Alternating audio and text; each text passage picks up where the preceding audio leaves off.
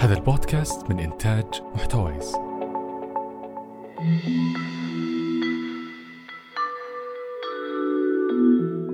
أهلا أنا حسن علي. وأنا حسين علي. وهذا بودكاست قرش. البودكاست اللي نبسط فيه مبادئ إدارة الأعمال والاقتصاد للمهتمين. الفرصة تيجي مرة واحدة في العمر وإحنا راح نساعدك تستغلها صح. ملاحظة سريعة. هذه الحلقة عبارة عن بحث طويل ومتشعب جدا بين التاريخ والحاضر. ممكن تكون أفكارها معقدة شويتين. لذلك حاولنا نبسطها قدر الاستطاع. فإذا حسيت في شيء بديهي في الموضوع فإما أنك رهيب أو أن إحنا بسطناها أكثر من اللازم. أتمنى لكم استماع جيد. أنت وحيد بين كثبان رملية بنص البر. كنت في رحلة ميدانية بالربع الخالي لكن ال GPS جاب فيك العيد. وبنزين سيارتك خلص. والحين ما تدري وين الله حاطك فيه. الشمس تشوي جلدك على نار هادية وملابسك لصقت فيك. نزلت من السيارة وجلست تمشي تايه المسافات طويلة جدا. في وسط الضياع تلقى سبيكة ذهب نصف مدفونة في التراب. أنت تدري أن سبيكة بهالحجم تسوى كثير. تشيلها بجيبك وتكمل مشوارك اليائس كم خطوة. بعد مسافة قابلت شخص مسمي نفسه نهاش فتى الجبل. نهاش مو مهتم ابدا بمساعدتك وما عنده أي مشكلة يشوفك تموت قدامه. أصلا متعود يشوف ناس ماتت عطش في نص البر. شغلته يبلغ عنهم كمفقودين تحت اسم فاعل خير. طبيعة الحال والوضع المثير للشفقة اللي أنت فيه أنك بتطلب من نهاش قطرة ماي تروي فيها نفسك. وبعدين وسيلة يطلعك فيها على الشارع العام. تعطيه معروض طويل يبدأ بلو سمحت وينتهي بتكفى نخيتك. وبالنهاية تعرض له سبيكة الذهب اللي لقيتها مقابل أنه يسقيك ماي ويشيلك للطريق السريع. يفكر نهاش في الموضوع مرة ومرتين وبعدين يوافق وأنت تطير من الفرحة. بعد ما رجعت بالسلامة والحمد لله على السلامة ورديت عند ربعك المطفرين بالديوانية فكرت باللي صار لك وقلت لهم السالفة. هم لأنهم يائسين ومطفرين طبعا لاموك على اللي سويته. لكن أنت ما كنت متحسف بل كنت سعيد بالصفقة اللي سويتها يوم بدلت قطعة ذهب ثمينة بحياتك اللي أثمن. التساؤل العبقري هنا أنت تدري أن سبيكة الذهب هذه ممكن تسوى كل شيء تمتلك اليوم. كيف سمحت لنفسك تبيعها مقابل قطرة ماي ومشوار صغير؟ وبعدين أنت عارف أن هالمشوار وقطرة الماي ما تسوى قيمة واحد من كفرات سيارتك الخربانة بنص البر. وبعدين ليه أنت مبسوط بخسارة هذه الثروة؟ الجواب بكل بساطة كل حاجة في حياتنا تمتلك قيمة غالية أو رخيصة. إحنا نقيس حاجتنا للأشياء عن طريق وحدة سميناها القيمة. والقيمة هذه واحد من نوعين. إما قيمة استخدامية مثل الطعام والماء والمسكن. وهذه أظن واضحة للجميع. كل ما احتجت تاكل وتشرب وتنام أكثر كل ما زادت قيمتها أكثر. أو قيمة تبادلية مثل النقود والذهب والممتلكات الأخرى. وركز معي على النوع الثاني لأنه هو بالتحديد زبدة حلقتنا اليوم.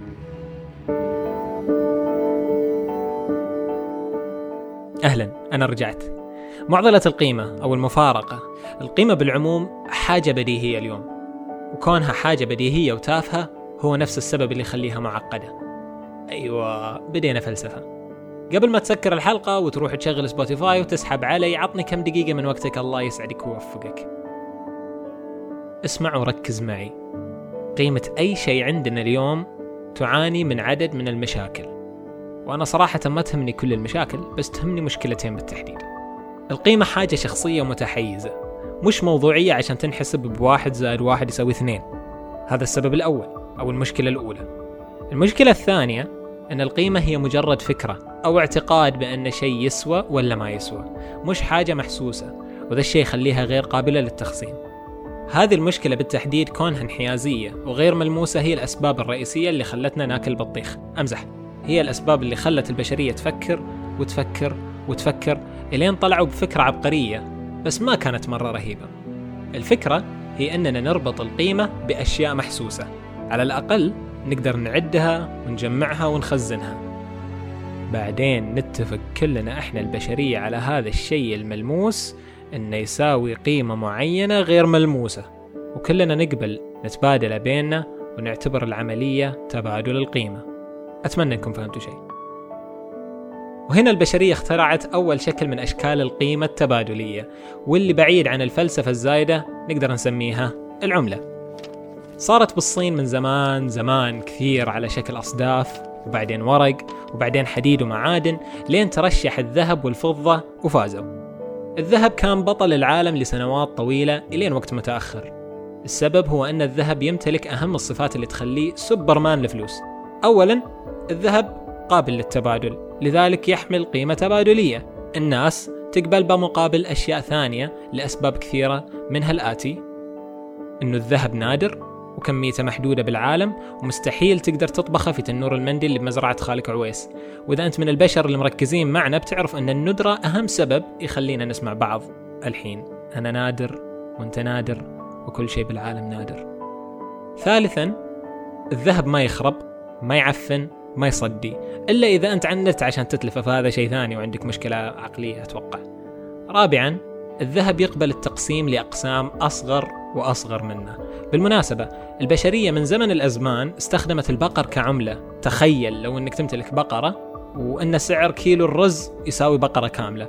لكنك ما تحتاج كيلو رز كامل لأنه ممكن يخترب عندك النص الثاني. فتضطر أنك تذبح البقرة يعني ما راح تكون قابلة للاستخدام كعملة مرة ثانية أو أنك تأخذ كيلو رز وتتوهق في نصه. خامسا الذهب سهل الحمل والتنقل.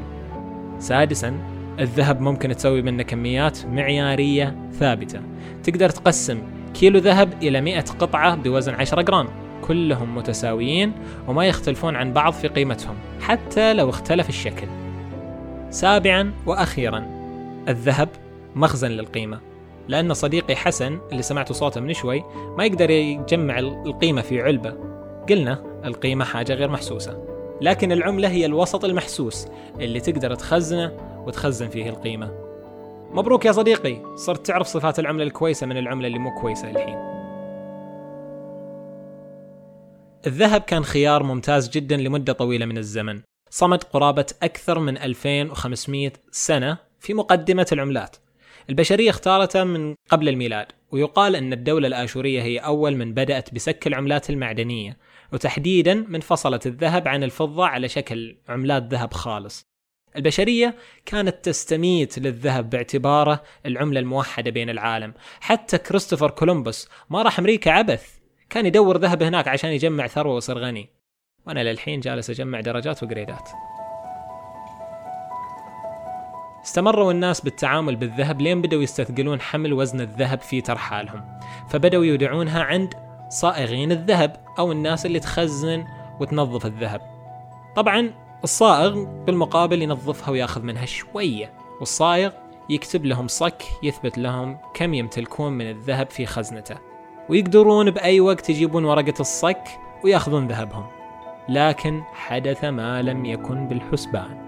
الناس صارت تشتري وتبيع بصكوك الملكية حقتها. يعني مثلا أنا راح أشتري منك بضاعة بقيمة 50 جرام ذهب وراح أعطيك صك يثبت ملكيتي ل 50 جرام ذهب عند صايغ المدينة وتقدر أنت ترجع للصايغ وتاخذ ذهبك منه بدل بضاعتك. بالضبط مثل لما أحول فلوس لحسابك بالبنك وأنت تروح تسحبها كاش. الشيء اللي ما كان الصايغ عامل حسابه هو أن الناس صارت ما تجي عشان تاخذ الذهب. الناس بدأت تتداول بالصكوك على أنها عملة. الكل واثق أن الذهب حقه ما راح يضيع وأنه يقدر ياخذه متى ما احتاج ياخذه.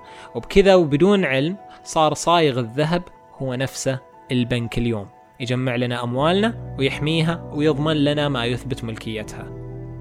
أتوقع الدنيا بدأت تصير أوضح شويتين. في عام 1900 ميلادية قررت الحكومة الأمريكية أنها تمسك ذي الشغلة بنفسها وتبدأ بتحويل الدولار من عملات مسكوكات ذهبية إلى صكوك ورقية يقدر صاحبها يرجع للبنك وياخذ قيمتها من الذهب. بعدها بكم سنة وبعد حادثة عظيمة تسمى الكساد العظيم عدلت الولايات المتحدة نظام ملكية الذهب الخاصة وصار كل الذهب غير قابل للاستبدال بالدولارات على شكل فلوس. يعني كل شيء صار نفس ما هو بالضبط بس ما تقدر تسحب ذهب من البنك. هذا الحدث صار ما بين 1913 وحتى 1934 ومع أنهم سمحوا للناس بعد هالمدة بأنهم ياخذون ذهبهم من البنك إلا أن الناس ما كانت تشوف في داعي لأنها تأخذه. بعدها ب 40 سنة وتحديدا في 1971 يعلن الرئيس الأمريكي نيكسون عن فصل معيار الذهب عن الدولار الأمريكي. يعني الدولار كان قبل يساوي كم كيلو ذهب من الخزنة الأمريكية. تقسيم كم ورقة من العملات أو كم صك ملكية موجود لها في السوق. وبكذا كانت ترتفع قيمة الدولار لما يزيد الذهب في الخزنة أو تنقص لما الولايات الأمريكية تبدأ تطبع فلوس زيادة. تخيل معي أن الدولار هو بالون معبى هيليوم نفس اللي بالحفلات. يطير لفوق لكنه مثبت بوزن عشان يجلس على الأرض. هذا الوزن هو الذهب. بس ينفصلون عن بعض يبدأ البالون يطير ويطير ويطير بدون توقف عائم في الهواء نحو السحاب. وهنا مصطلح جديد تضيفه لقاموسك اللطيف جدا نسميه العملة المثبتة. أو المربوطة بالذهب والعملة العائمة. تحول الدولار بهذا القرار من عملة مثبتة إلى عملة عائمة. الجيد في هذا التحول هو أن أمريكا ما تحتاج تراعي كم باقي ذهب في الخزنة مقابل كل دولار لأن قيمة الدولار صارت هي مدى رغبة الناس فيه واستخدامه للبيع والشراء. الناس مو مهتمة في قيمة الدولار الاستخدامية الناس مهتمة فقط في قيمته التبادلية. بعد هالمحاضرة الطويلة تتبادر في مخنا بعض الأسئلة ليش العالم مهووس بالدولار الأمريكي تحديدا؟ وهل تتمثل العملة بالورقة النقدية بس ولا لها أشكال ثانية؟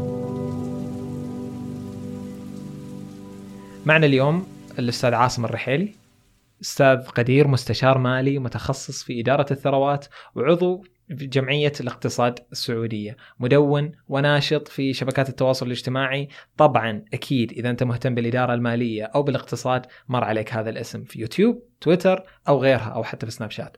أهلا بك أستاذ عاصم.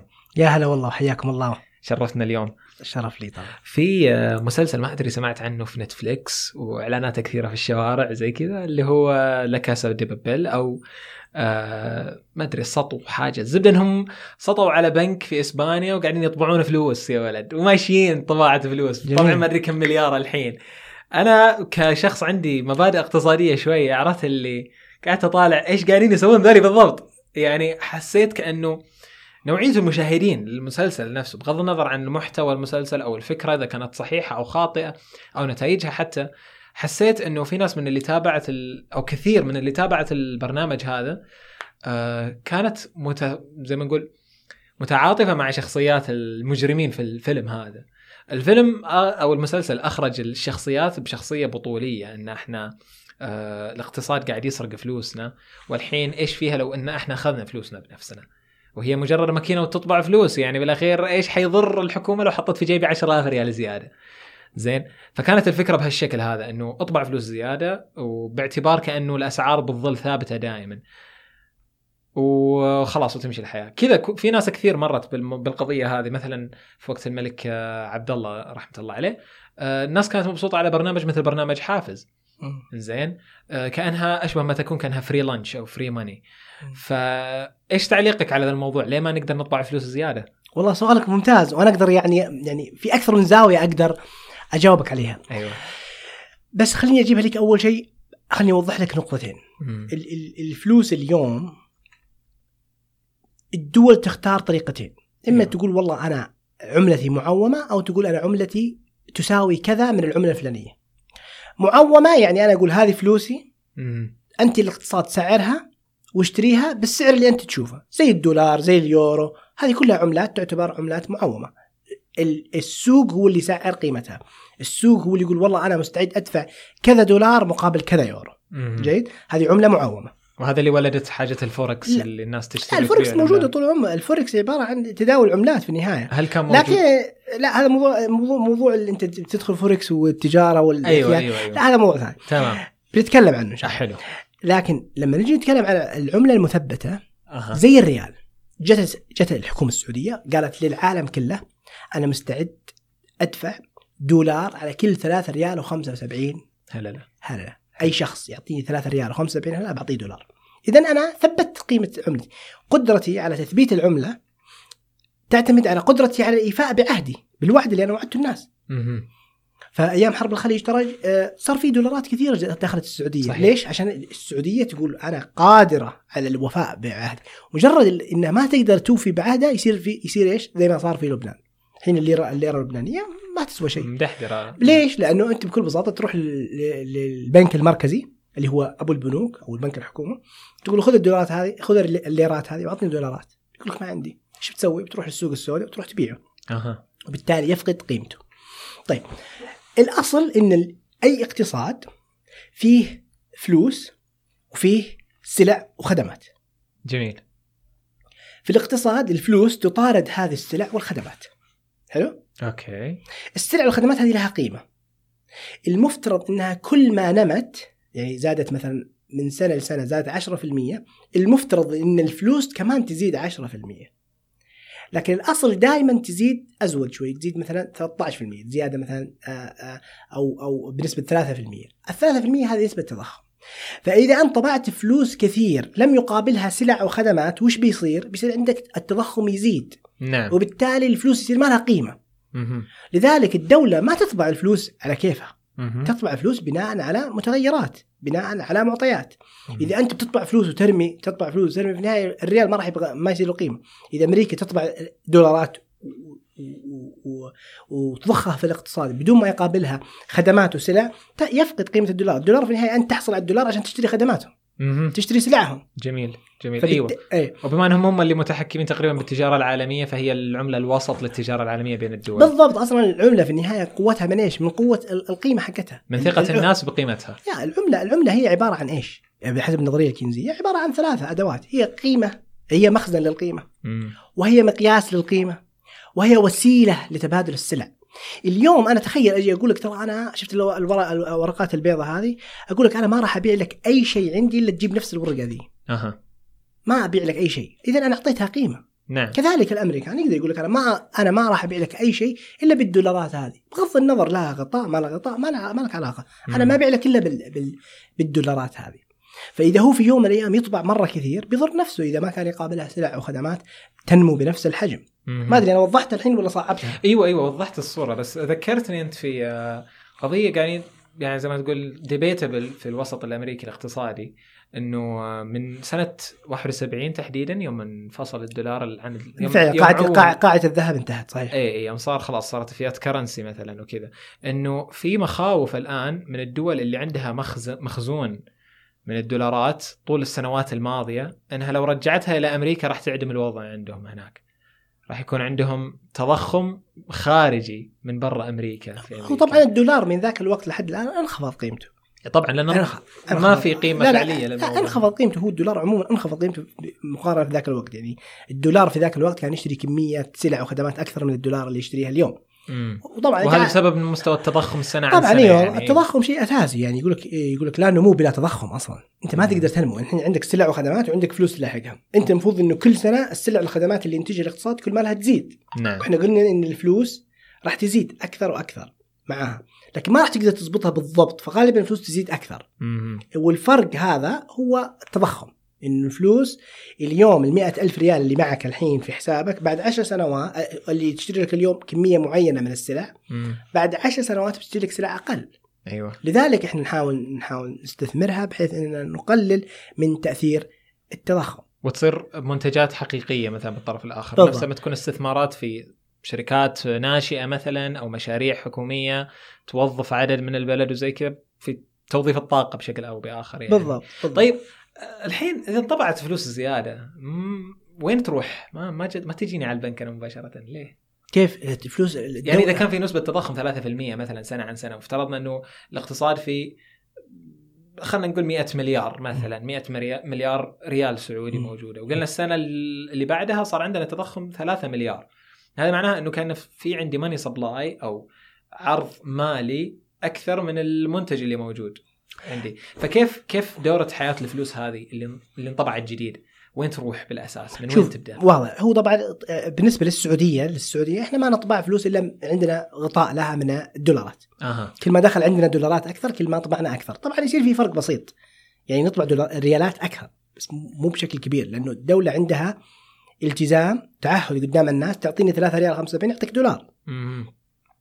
بعطيك مثال. تخيل إن الدولة فجأة قررت إنها توزع كم قيمة البيت الحين في السعودية؟ تقريبا كمتوسط آه، مليون مليون ونص مليونين. زي كذا، خلينا نقول أيوة. مليونين، صح؟ مليونين أيوه. تخيل كذا السعودية فجأة قررت إنها تطبع مليونين.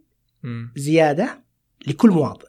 عشان يبني بيت أو عشان يشتري إيه بيت. وفجأة وزعوا الفلوس كلها على الناس. قمت الصباح كل واحد فينا حصل في حسابه مليونين. أيوة. تتوقع البيوت راح يبقى قيمتها مليونين؟ طبعا لا. بتزيد قيمتها. هذا هو تأثير التضخم. هذا هو تأثير. في النهاية الفلوس ما راح يصير لها قيمه فبالتالي الدولة لما. تطبع فلوس تدفع يعني تطبعها مقابل أو تدفعها مقابل خدمات. في النهاية هي لما تضخها في الاقتصاد ما تروح توزعها على الناس. شفنا كيف ممكن يتطور المال ويتحول من شكل لشكل آخر لتسهيل العمليات التبادلية التجارية.